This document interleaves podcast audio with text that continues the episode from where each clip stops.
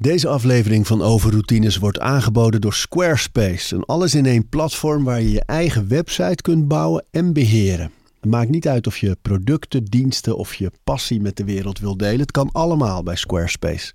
Ik noem even kort drie handige functies van het platform.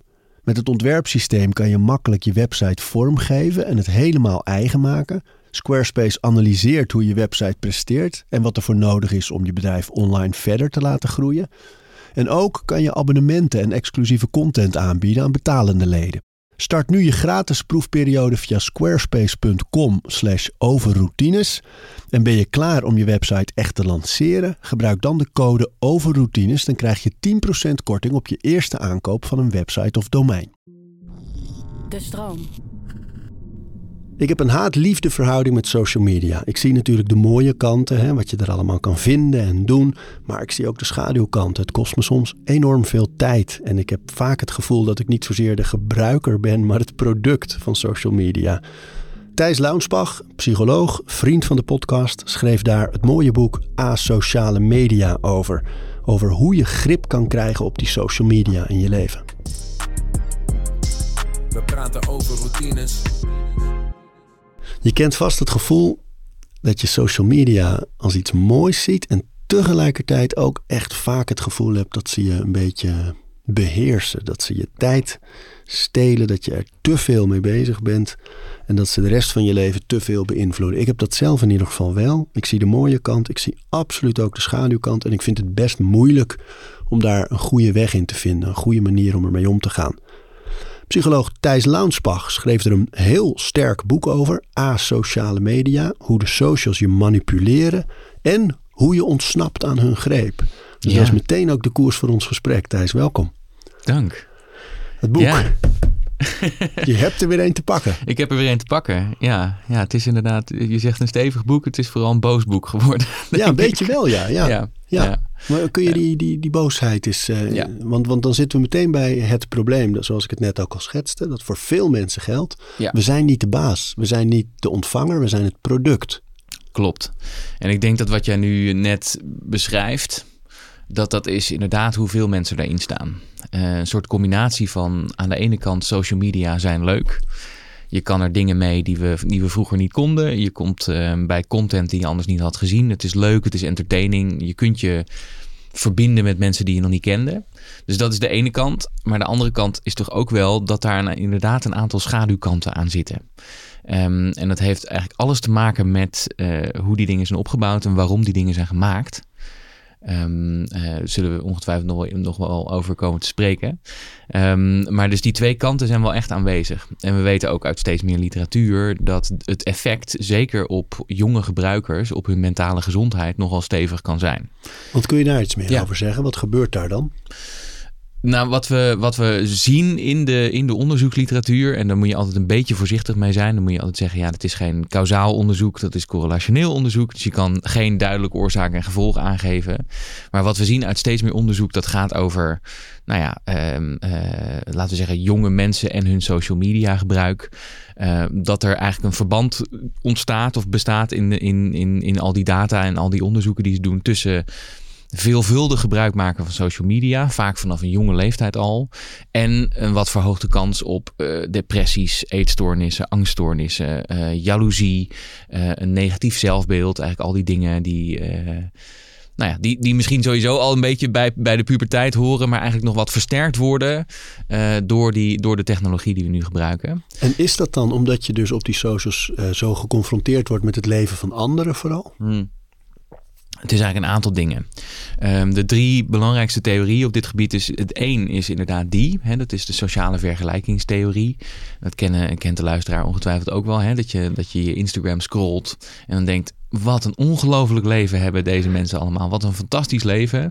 En wat heb ik eigenlijk een saai leven. En wat ben ik, ben ik eigenlijk een loser in vergelijking met die andere mensen.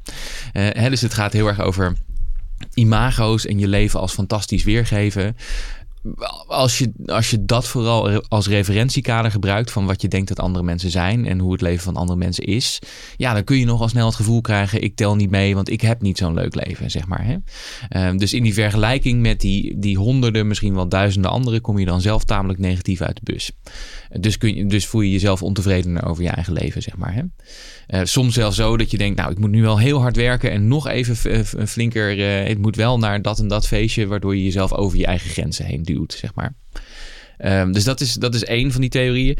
Tweede is wat ze noemen de verdringingstheorie. En die is tamelijk logisch. Ehm, namelijk, je hebt maar 24 uur per dag. Daar slaap je er, eh, nou, laten we zeggen, 8 tot 10 van. Ehm, dus je hebt eh, een beperkte tijd die je kunt vullen met dingen. En die kun je ofwel vullen, nou, veel mensen, werken is natuurlijk een, een belangrijke eh, factor daarin, het gezinsleven. En dan heb je nog wat tijd over om te vullen met andere dingen. En dat kun je ofwel doen aan dingen in de buitenwereld waar je gelukkiger van wordt. Al die dingen waar je in die podcast natuurlijk ook heel veel over spreekt. Hè? Dus eh, sporten, ehm, eh, een soort van nou, iets van, van spelgedrag, gezellige dingen doen, leuke dingen doen met andere mensen in de buitenwereld. Of die kun je besteden aan achter je scherm zitten. En logischerwijs, hoe meer tijd je achter je scherm doorbrengt, hoe minder tijd je ook hebt voor die andere dingen. Nou, wat weten we nou vrij duidelijk uit onderzoek? Dat tijd die je zelf achter je scherm doorbrengt, die maakt je minder gelukkig. Of die, of, of die, die is neutraal als het even mee zit, of die maakt je minder gelukkig. En gehaast en gedeprimeerd en al die dingen. Maar tijd die je eh, met, laten we zeggen, eh, fysieke activiteiten in de buitenwereld, het liefst nog met andere mensen doorbrengt, daar word je gelukkiger van. Dus hoe minder tijd er overblijft, en, en weet je, we zitten wij als volwassenen zitten vaak al aan een paar uur per dag social media. Die gewoon, nou, die tijd krijgen we niet meer terug, zeg maar. Dat is tijd die we, die we één keer uitgeven daaraan en die krijgen we nooit meer terug. Maar voor jongeren, laten we zeggen voor, voor studenten is dat vier à vijf uur per dag. Voor, voor tieners gaat dat soms al naar de zes, zeven uur per dag. eh, TikTok en Instagram, zeg Gewoon maar. een hele werkdag. Ja, en dat is tijd die je dus niet aan andere dingen kunt besteden. En die je ook niet kan. Het lastige daaraan is ook. Ehm, in je puberteit, in die tienerleeftijd, ben je eigenlijk ook met alles wat je aan doet aan het trainen wat je brein eigenlijk is. Ehm, je bent aan het trainen, je bent sociale vaardigheden aan het trainen. Om een gesprek te voeren, om een netwerk op te bouwen, om, om eh, zinvolle interacties te hebben met mensen. Dat moet je trainen. Dat ben je jarenlang aan het trainen in principe. Hè, dus dagen, uren per dag en dan dagelijks en je hele, je hele jeugd lang, zeg maar. Als je dat niet doet, omdat je die tijd besteedt eh, achter je scherm, dan is dat tijd die je niet kunt trainen eh, in, in sociale interacties. Dus, dus dat wordt ook moeilijker. Ehm, dus dat, dat, dat is de tweede theorie. Derde theorie is ehm, met de hoeveelheid tijd die je online doorbrengt. ver- nou ja, hoe meer tijd je dat doet, hoe groter ook de kans wordt dat je daar wat akeligs mee maakt. Dus dat je te maken krijgt met cyberpesten of met doxing of met is afpersing. Eh, doxing is het, eh, het publiek maken van je adres. Ah. Zodat mensen voor je deur kunnen staan. Hè? Ehm, eh, Sigrid Kaag. Bijvoorbeeld, ja. ja. Politici hebben daar last van, maar ook mensen die, ehm, die iets verkeerds hebben gezegd tegen iemand online, hebben daar nog wel eens last van. Ehm, en dat is, dat kun, kun je je voorstellen, heel vervelend en onveilig als je dat gebeurt. Ehm, of, of gewoon, nou, laten we zeggen, vervelend gedrag. Afpersing, ehm, eh, pogingen tot misbruik. Al die dingen die je online tegenkomt die niet leuk zijn. Eh, zeker als tiener, eh, en die, die dus heel veel tijd doorbrengt online, eh, kom, is de kans nogal groot dat je ook vervelende dingen tegenkomt. Dus je hebt vergelijking, dat is Ja. de eerste. Verdringing was de tweede. Ja. Als je het ene doet, heb je minder voor tijd voor het andere. En de derde is dit. Dus ja, de- vervelende dingen tegenkomen. Dus cyberpest, cyberpesten of, of andere akelige dingen meemaken. Ja. En dan is het ook nog eens zo dat, dat je... ehm, nou ja, dat laten we zeggen, de, de moderne social media, zoals we die nu kennen, met name TikTok, heel erg gericht is op ehm, jou precies het stukje informatie geven, precies het stukje content geven, waardoor je misschien langer blijft hangen.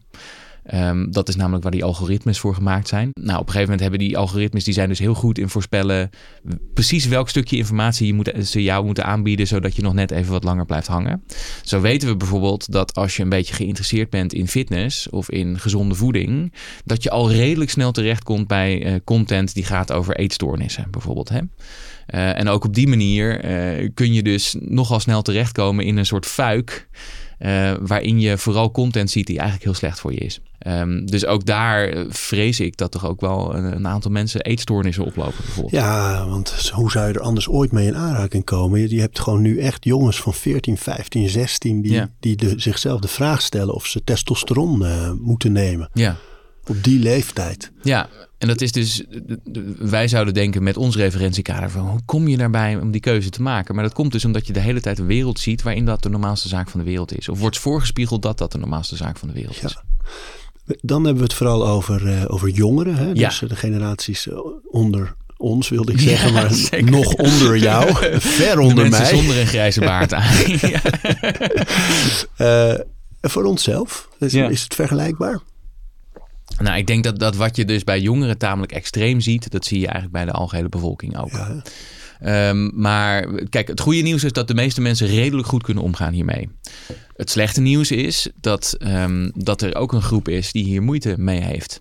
En aangezien 99% van de mensen, eh, of in ieder geval 99% van de jongeren, en laten we zeggen een heel erg groot percentage van de volwassenen op social media zit, is dat logischerwijs ook een hele grote groep.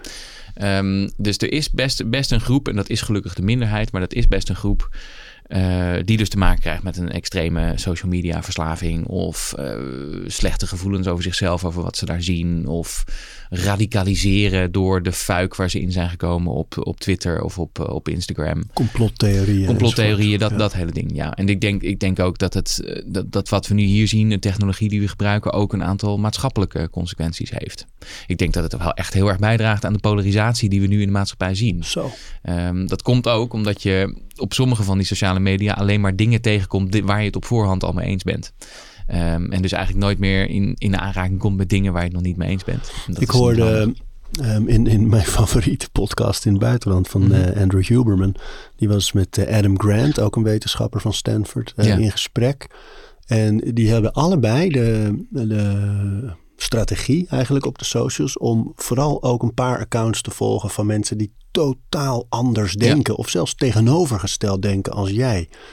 Ehm, op social media om zichzelf eigenlijk voortdurend te blijven toetsen en bevragen Ja. die benaderen eigenlijk die social media heel wetenschappelijk allebei. Dat vond Ja. ik wel een mooie, mooie theorie. Zeker. En ik denk dat daar ook wel iets in zit, al weet ik niet of ik het er heel erg eens ben met het idee dat het een goede tool is om meerdere kanten van het debat te zien. Ik ben er heel erg voor informatie zoeken buiten je eigen bubbel. Juist omdat we van die verkokering krijgen waarin je heel erg binnen je eigen gelijk wordt gezogen, zeg maar. ehm, ben ik er heel erg voor dat mensen ook buiten hun bubbel kijken naar informatie. Maar dat hoeft niet op social media Nee, te dat zijn. is waar. Dat is je waar. kan ook een krant lezen eh, die, van een, uit een, een politieke hoek die je normaal niet eh, leest, zeg maar. Hè? Of je kan eens een keer een podcast luisteren van de andere kant van het politieke spectrum of zo. Dus dat, dat lijkt mij gezonder dan, dan dat zoeken op social media. Ja, ja. Ik zou zeggen, een van de dingen die je wel moet doen als je veel van de informatie krijgt eh, in de wereld door social media. En helaas weten we dat steeds meer mensen min of meer alleen maar hun nieuws krijgen via social media. Is, stel je dan wel de uitdaging om ook een beetje buiten je eigen straatje te kijken. Ehm, en eh, nog een andere is, eh, ik denk dat het ook heel belangrijk is om je eigen bullshit filter ehm, te trainen. Want er wordt nogal wat onzin verkocht. Eh, ook door mensen die daar eigenlijk helemaal niet, ehm, eh, helemaal niet de credentials voor hebben om iets te roepen over een bepaald onderwerp. Dus er wordt nogal wat bullshit verkocht. Dus je eigen bullshit filter moet nogal hoog zijn afgesteld, zou ik zeggen. Oh man, ja. Zoals nu rond de verkiezingen dan ineens eh, overal op Facebook werd geroepen dat er heel veel moslims in Nederland op de PVV hadden gestemd. En Ja. dat dat in de onderzoeken totaal niet blijkt. Nergens komt Precies. dat terug, maar het, is, het stond op Facebook. Dus Ja, dus, dus check je bron altijd. Check je bron. Als het iemand is die, die een post, een inhoudelijke post stuurt, die eh politicoloog is en al 15 jaar onderzoek doet naar politiek, ja, dan denk ik, nou, dat, dat zou nog wel interessant kunnen zijn. Als het een voetbalcommentator is die zich even uitlaat over de politieke situatie, nee, liever niet, zeg maar. Nee, nee, Doe dat dan. nee. Dus, Oh. dus ja, che- check wat er wordt gezegd, door wie het wordt beweerd, op, welke, op basis van welke bronnen dat wordt gedaan. En neem alsjeblieft niet alles aan Maar het is moeilijk, hè? Want, mensen zijn zo op zoek naar gidsen. Dus Ja. ik vertrouw jou of jij begrijpt mij. Dat is een hele belangrijke, Ja. denk ik. En, en dan dus als jij het zegt, dan vind ik dat ook. Of eh, dan, dan, dan geloof ik het. Dat is denk ik vaak de tendens. Het is best Zeker. moeilijk om daar een weg in te vinden van... ja, hoe toets je dat nou? En dat, dat is ook echt heel lastig. Dat ben ik helemaal met je eens. Vooral ook omdat dit spel gebaseerd is. Hè? Dus laten we zeggen, het influencerspel hebben we het dan over.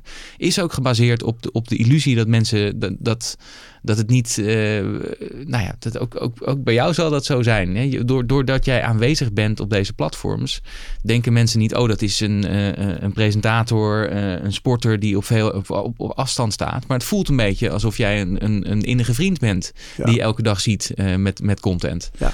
Eh, dus dat is ook een beetje wat je gebruikt in dat influencerspel. Ja. Het is eenzijdige communicatie. Ja, ja, ja. Nee, Ehm, zeker. maar Ik je denk- krijgt dezelfde gevoelens als voor iemand die je op dagelijkse basis ziet en heel erg mag, zeg ja, maar. ja, en ik denk dat dat ook wel een verantwoordelijkheid met zich meebrengt voor iedereen. Maar zeker Ja, want hoe, als je hoe doe jij dat? Nou ja, ik, kijk, bij mij is de, de toon wel veranderd over de jaren. Ik vroeger, wat, toen ik veel eh, televisie maakte, mijn televisieprogramma's gingen altijd over maatschappelijke thema's.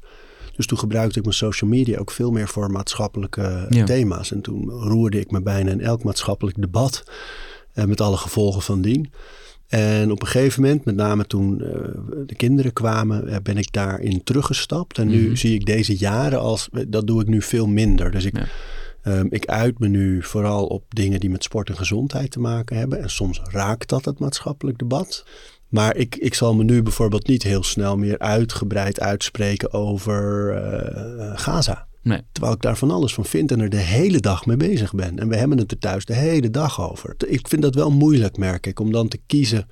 Ja, mijn, mijn socials zijn vooral een platform om aan te reiken. Het gaat vooral over sport en gezondheid. Mhm. Ehm, het is geen politieke column.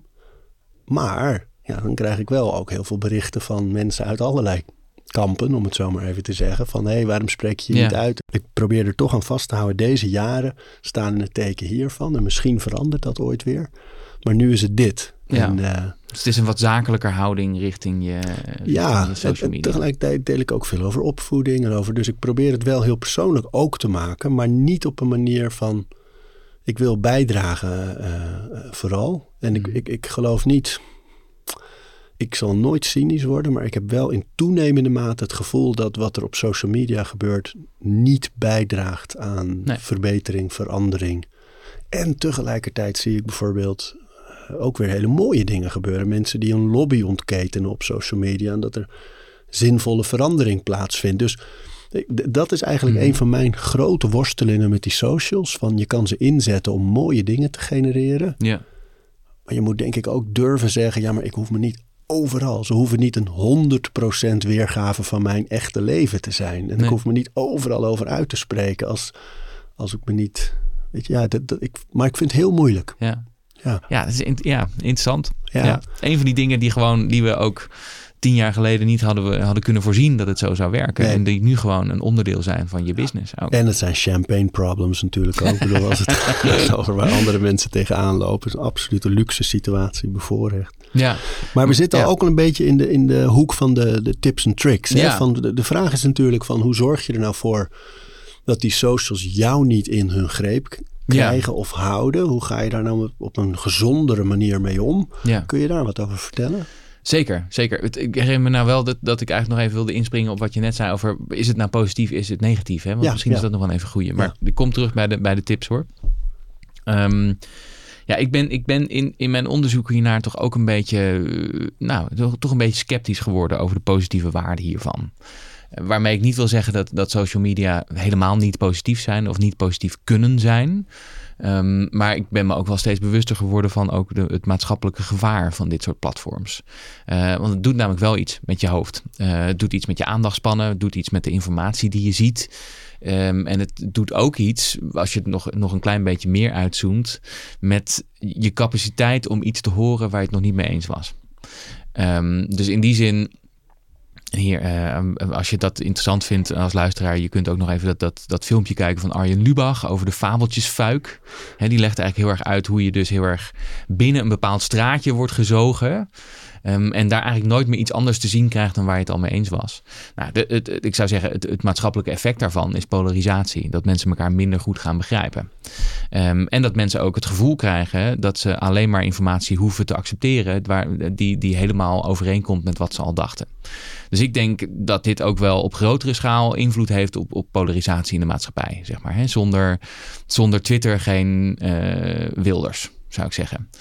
Ehm, dus ik denk dat we, dat we nu inmiddels daar, niet alleen in ons land, maar ook in de Verenigde Staten, ook in het Verenigd Koninkrijk, zien we de effecten van, van polariserende technologie, zeg maar. Ja, Ehm, dat ja. zit ook in die social dilemma, hè? die Ja. mooie docu. Dat eh, inderdaad zo'n Brexit of het feit dat Trump eh, het redt. Ja. en misschien wel ooit weer gaat redden zelfs. Eh, dat dat allemaal daarmee te maken heeft. De Ja. Hele sterke strategieën op. En, en de vraag is zeer of dat anders gebeurd zou zijn.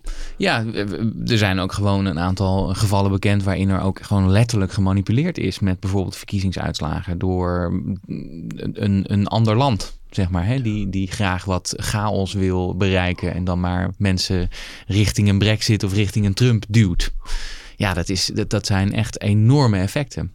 Ehm, ook omdat er dus nog nooit zoveel macht over mensen hun hersenen was en over mensen hun gedachten was door zo weinig mensen. En dat is eigenlijk echt wel schrikbarend. Ja. Ehm, aan de andere kant snap ik wa- wat jij zegt ook heel goed. En je ziet ook positieve dingen gebeuren op, eh, op social media. Het beroemdste voorbeeld daarvan in de lit- literatuur is eh, de Arabische lente. Hè? Ja. Toen werd er ook veel gebruik gemaakt van, van Twitter als communicatiemogelijkheid. Ik denk alleen wel, mm, laten we zeggen, die, die positieve kanten en die, die, die positieve ontwikkelingen die je ziet, die maken eigenlijk in elke tijd gebruik van de nieuwste technologie die er is. Dus als er geen Twitter was geweest, was er een ander communicatiemedium geweest dat ze hadden gebruikt. Ehm, en ik denk ook dat voor die andere positieve dingen, dat, dat die niet per se afhankelijk zijn van social media. Die maken er wel gebruik van, maar die zouden net zo goed gebruik kunnen maken van een ander medium, zou ik zeggen, als dat er niet was geweest. Plus dat ik denk, we zijn nu een beetje afhankelijk geworden van deze generatie eh, sociale media. Met deze, laten we zeggen, dit businessmodel er ook achter. Eh, en ik ben helemaal niet tegen technologie. Ik ben helemaal niet tegen het gebruik van, van nieuwe dingen en het gebruik van internet om je te verbinden met andere mensen. Maar wel als er zo'n cynisch, geldwolfachtig eh, algoritme achter zit. Dat eigenlijk Ja. bedoeld is om zoveel mogelijk waarde aan jou te Ja, onttrekken. maar dat is het moeilijke inderdaad. Want ik zit ook vaak te denken als, als je in die fitnesswereld kijkt. Hè. Ik Ja. ehm, heb van de week wat interviews. ge- Er is een nieuw boek komt binnenkort Mhm. uit. En over gezonde routines. Dus, en dat is, ik word 50 in januari. En Jij dan, schrijft eh, ook een boek per jaar, hè, volgens mij. Bijna wel, bijna wel. maar dan, en, dan, eh, en dan kijk ik eigenlijk terug op wat zijn nou de, aller, de 50 allermooiste inzichten die ik heb gehad in die periode. Eh, dus daar wat interviews over gegeven. En in die interviews ging het ook heel erg over hoe de fitnesswereld veranderd is. Dat toen ik erin opgroeide eigenlijk, eh, was er geen internet. Hm. Dus weet je, je informatie kreeg je uit films, tijdschriften. En, dan hield, en, en als je een sportschool tot je beschikking had, dan zag je daar mensen dingen doen. Maar dat was nog niet echt gangbaar. Dus op het moment dat, dat YouTube kwam en zo, gingen er bronnen open aan mogelijkheden. En later met al die andere social media, weet je. Alle informatie die vroeger alleen eh, voor topsporters en, en eh, mensen op het allerhoogste niveau was, is overal beschikbaar. Alle onderzoeken erachter, elke theorie. En dat is een gevaar, want door de bomen het bos niet meer zien. Ja. Of eh, welke gids kies je en word je niet een moeras ingeleid. Maar ook, je hebt zoveel mooie informatie tot je beschikking. Je kan altijd maar groeien, altijd maar ontwikkelen. Dus die positieve kant is me heel erg duidelijk. Mhm. En tegelijkertijd is er die manipulerende negatieve kant en het voortdurende gevaar dat zelfs met positieve informatie kan het je nog opslokken en beheersen. En dus het is heel moeilijk, denk ik, om een weg te vinden van zo gebruik ik het ten goede ja. zonder verleid te worden of gemanipuleerd te worden door, ja, dit is, het slokt al mijn tijd op, het beïnvloedt mijn gedachten, het begint, beïnvloedt mijn gedrag. Ja. En hoe doe je dat nou goed? Ja, dat is, dat is dus ontzettend moeilijk. En ook daar, ik snap helemaal wat je zegt. Ik ben het ook helemaal eens. Eh, Ook daar is een verschil tussen het internet in het algemeen en deze specifieke platforms, waar, waar ik dus eigenlijk mijn pijlen op richt. Hè. Ehm, ik, ik denk dat wat jij benoemt is, is een van de grootste gaven in deze tijd. Hè. Dat er zoveel informatie beschikbaar is en ook kwaliteitsinformatie. Ja, je zegt eigenlijk dat zou ook beperkt kunnen blijven tot websites en blogs. En, Ja, of je zou. Kijk, er, er, is ook nu, en die zijn nog heel klein, maar er zijn best een aantal alternatieven voor het huidige hypercommerciële manier van social media bedrijven, zeg maar. Hè? Ehm, er zijn. je- de Mastodon is een, is een, eh, in, een, van de grootste. Is eigenlijk een soort alternatief voor Twitter, maar dan op eh, meer gemeenschappelijk en minder commercieel. Eh, en er zijn ook een aantal andere van die platforms die zouden kunnen werken. Die, die trekken nu nog heel weinig mensen. Want heel weinig mensen zijn zich bewust. En deze, deze platforms die we nu hebben, die zijn zo aantrekkelijk. En er zit zozeer iedereen op dat dat is wa- waar iedereen naartoe gaat. Maar er zijn socialere media mogelijk, zeg maar. Hè? Of er zijn media, platforms mogelijk die echt sociaal zijn. Maar aangezien we nu zozeer vastzitten aan deze generatie tamelijk duistere bedrijven, um, zitten we, nou ja, wordt het best lastig om daar een verandering in te bewerkstelligen. En ik denk ook, ik kom echt toe aan wat je zelf kunt doen. Hè? Want die vraag heb je nou al twee keer gesteld. You maar teaser, you cliffhanger man.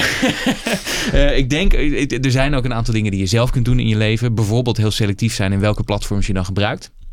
Um, maar ik zou zeggen, er moet ook echt wetgeving komen voor dit soort platforms. We moeten gewoon beter beschermd worden tegen de verslavende aspecten hiervan.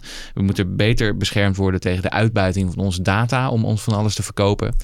Um, want we zijn nu dingen aan het weggeven waarvan we over twintig jaar zeggen: waarom hebben we dat gedaan in vredesnaam?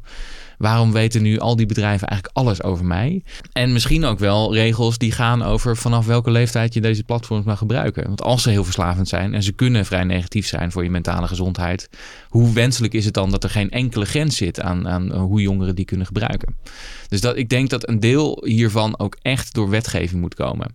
En dat zijn gewoon vragen die we in die stormachtige opkomst van sociale media gewoon vergeten zijn te stellen. Ja, mensen zijn altijd bang voor betutteling hè? en beperkt worden in vrijheden. En het is natuurlijk omdat het zo gekoppeld wordt aan communicatie en het vrije woord en de vrije gedachte. Ja. Uh, zijn we er bang voor om die wetgeving een kans te geven eigenlijk. Of om er zelfs maar over te praten. Maar daar, daar zit natuurlijk wel een belangrijk ding hè?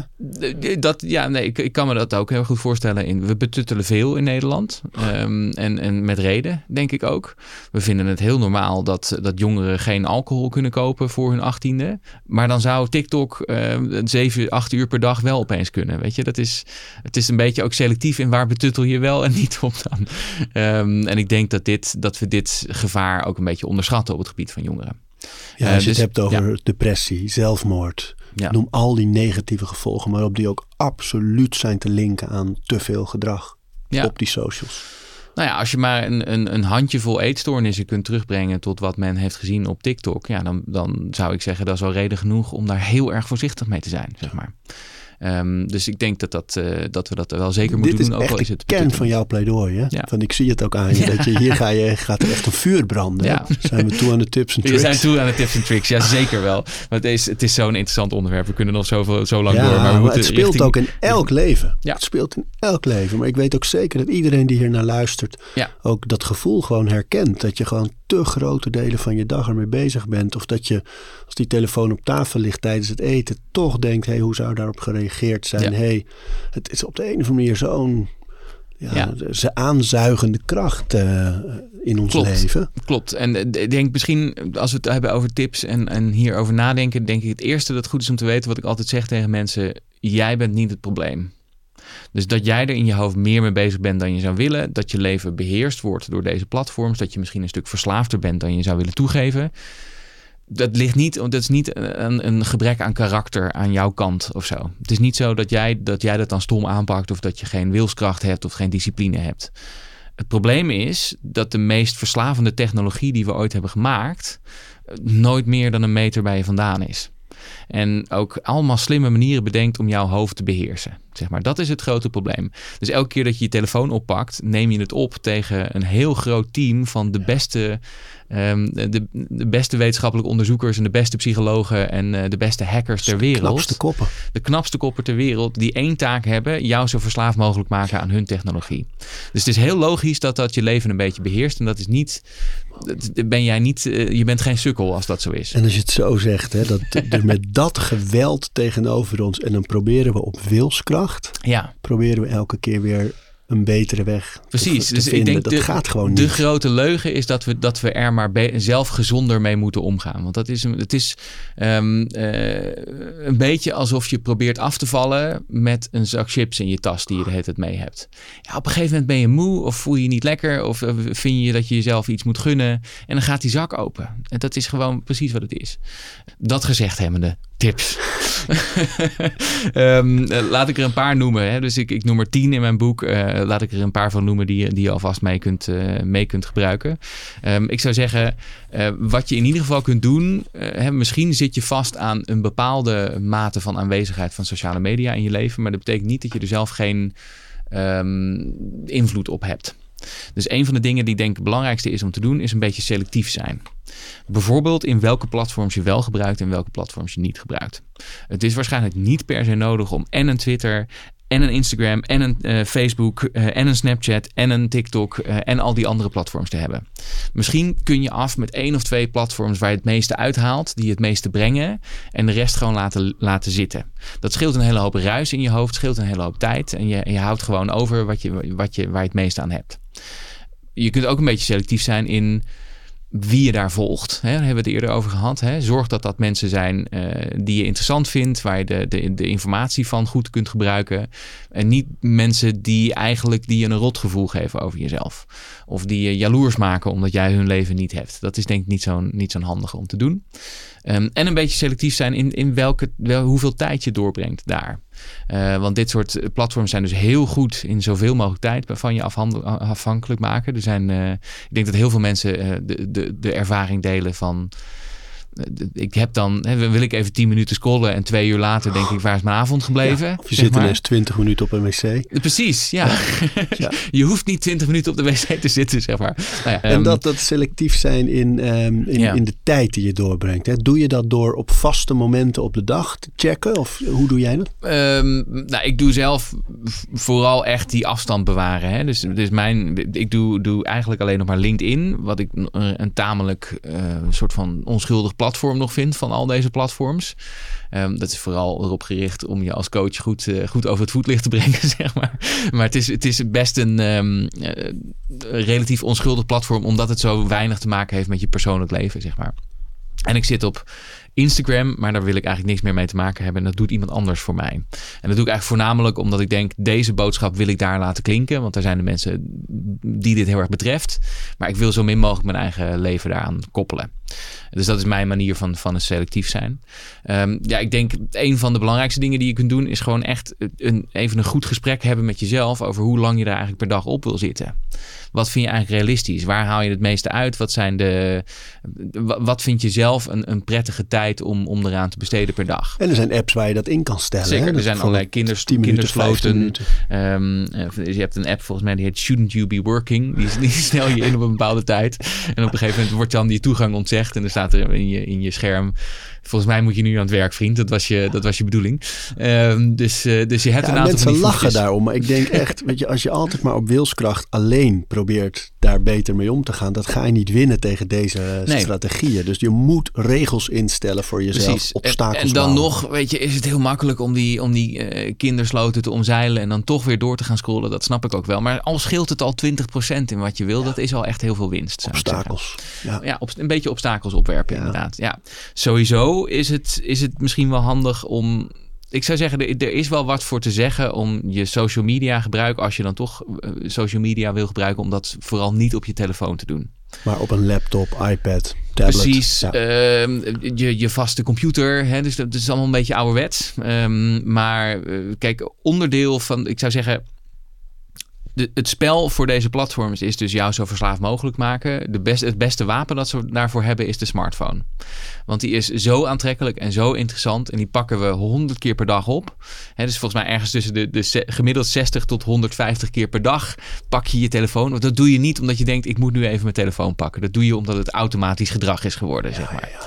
Uh, en ik zou zeggen gebruik, misschien moeten we daar dan bij laten. Dan moeten mensen verder het boek maar lezen. Want anders ga ik het hele boek uitspellen. Dat is niemand, voor niemand leuk. Um, gebruik deze media, deze platforms dan ook vooral om sociaal te zijn.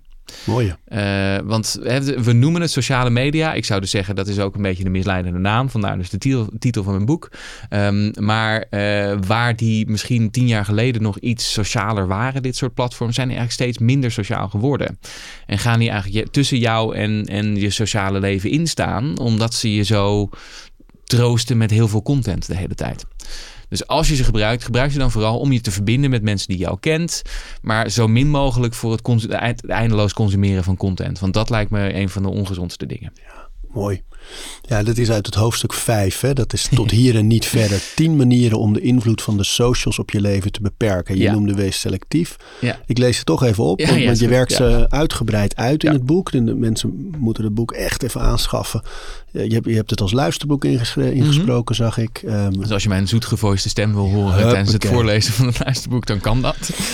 Uh, wees selectief. Twee is ditch je telefoon. Gewoon hup, weg af en toe op de dag. Drie is stel een social-vrije zone in. Oh ja, ja. Vier, koester vriendschappen, maar loos de content. Dat is eigenlijk wat je hier net zei. Hè? Ja. Ga vooral interactie aan met mensen die je kent, waar je een band mee hebt. Ga niet zomaar een beetje scrollen en op zoek naar allerlei content. Gebruik een adblocker, dat kan, hè? dat je geen reclames meer... eh, ja dat, dat niet iedereen dat nog doet, is mij een volkomen raadsel. Maar dat is ehm, ja, het, een van de beste dingen. Dat kan je vandaag in vijf minuten instellen op je, op je browser. Zet een adblocker erin, dan ziet... eh, dat scheelt een hele hoop ruis. Een hele hoop eh, advertenties in je hoofd. Zoek informatie buiten je eigen bubbel, hebben we het net Ja. over gehad. Scheid netwerken en politieke discussies. Ja.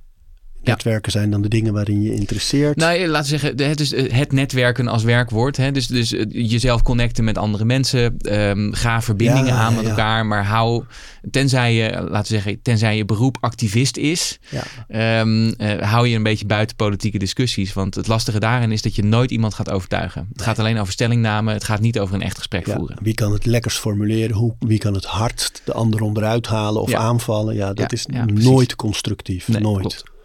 Nee. Train je bullshit filter. Heb je Hebben het het ook ook over gehad. Hè? Dus check je bronnen. en Zorg ervoor dat je niet zomaar alles aanneemt. Ja. Wees menselijk vind ik ook een mooie. Ja. Ja, die mogen we wel even laten landen. Ja, dus de, de metafoor die ik daarvoor gebruik ehm, is eh, als je een hardloopwedstrijd doet. Dan heb je zo aan het begin van een hardloopwedstrijd altijd dat mensen elkaar in de weg lopen. En iemand loopt voor je en je moet onder andere mensen. En dan wordt er altijd omgeroepen, doe even een beetje aardig voor elkaar. Want het is onhandig en je wil eigenlijk voor, verder vooruit en je hebt met andere mensen te maken. Maar je bent ook met z'n allen een hardloopwedstrijd aan, wed- wedstrijd aan het doen en je kan best een beetje aardig zijn tegen elkaar. Dat is precies het tegen- tegenovergestelde van wat er online gebeurt. Waarin je eigenlijk alles de hele tijd in het negatiefste licht ziet van andere mensen. En heel erg de neiging hebt om de hele overal boos over te worden. Ehm, maar een beetje de menselijkheid bewaren en mensen een beetje het voordeel van de twijfel gunnen, bijvoorbeeld af en toe een keer, lijkt me een hele zinnige. Ja joh, en je creëert ook patronen ermee. Als je gunt, complimenten geeft, lief bent, lacht, eh, doorgaat als je de neiging voelt iets negatiefs te zeggen. Niet doen, gewoon door. eh. Ja. Dat- Ja, of denk bijvoorbeeld eens, hè, als je op het punt staat om, om iets, eh, om een bijtende, dat doe, oh, dat doe ik ook natuurlijk nog steeds. Hè, dat, ik, dat ik de neiging heb om, om iets dwars te zeggen op het moment dat iets, iemand kritisch is op een column die ik heb geschreven of zo. En dan dan probeer ik altijd te denken, moet ik dit nou wel doen? Is het aardig? Is het nodig? Wil ik dat nou wel? Of ben ik gewoon mijn eigen boosheid aan het botvieren? ja, dan ja, misschien beetje niet. ego. Ja, Ja, ja, ja, precies. ja, ja. En tot slot was eh, tien, vergeef jezelf. Ja. Dus dat is eigenlijk wat je net ook zei. Jij bent niet het probleem. Ja, en, en ook als je wil minderen met sociale media, ook als je daar meer aan wil onttrekken, dan nog zijn dit gewoon hartstikke verslavende technologieën. En dat maakt, ja, de, kans is gewoon groot dat het niet altijd zal lukken. Of dat je dan toch denkt, ah, toch, ik wil dit zo graag, maar toch ben ik nou eh, mijn hele avond weer aan het scrollen en het is niet gelukt. Ja, vergeef jezelf dan ook een beetje. Ja. En misschien nog even tot, tot slot, want da- daar hebben we het nog niet over gehad en hebben we ze bijna allemaal besproken. Maar die, die, die social vrije zone. Hè? Ja. Ik zou zeggen, het is heel erg gezond om in ieder geval iets te hebben van je leven dat niet gekoloniseerd wordt door sociale media. Dus iets waar je bijvoorbeeld niet over post. Of het nou je kinderen zijn, of je hobby, of eh, hè, dus je relatie, of iets, iets off limits houden.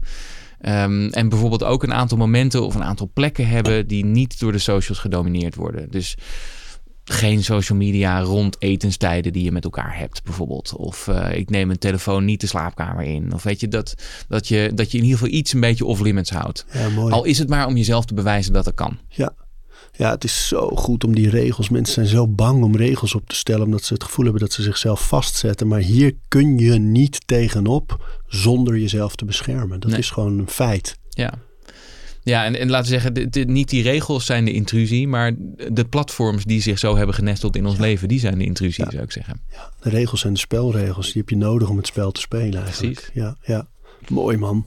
Het is echt een heel fijn boek. Asociale media van Thijs Launsbach. Hoe de socials je manipuleren en hoe je ontsnapt aan hun greep. Het is dus als boek overal verkrijgbaar, als luisterboek ingesproken. Thijs, fijn dat je er weer was. Was heerlijk. Ja, voel je niet eens zo heel boos. ik ben ook best. eh, Maar ik, ik kanaliseer mijn boosheid in, in dat ik schrijf over dingen. En dan probeer ik er ook een beetje om te lachen. Maar de, de, het activisme zit er wel op. Ja man, het is een fantastische missie die je hebt. Dank. Graag gedaan. We praten over routines. Dankjewel voor het luisteren. En voordat je weer doorgaat naar andere dingen, wil ik je nog even wijzen op Over Inspiratie. Dat is het mailtje dat ik elke donderdag rondstuur met drie tips. Dingen waar ik zelf veel aan gehad heb. Kunnen producten zijn, artikelen die ik gevonden heb online, onderzoeken, uh, Instagram-accounts, podcasts, boeken, van alles eigenlijk. En ik denk dat je daar zelf ook veel aan kunt hebben. Dus vind je het leuk om dat mailtje elke week te ontvangen? Dan kun je je opgeven op ariboomsma.nl onderaan de pagina. Dan krijg je voortaan elke donderdag in je mailbox over inspiratie.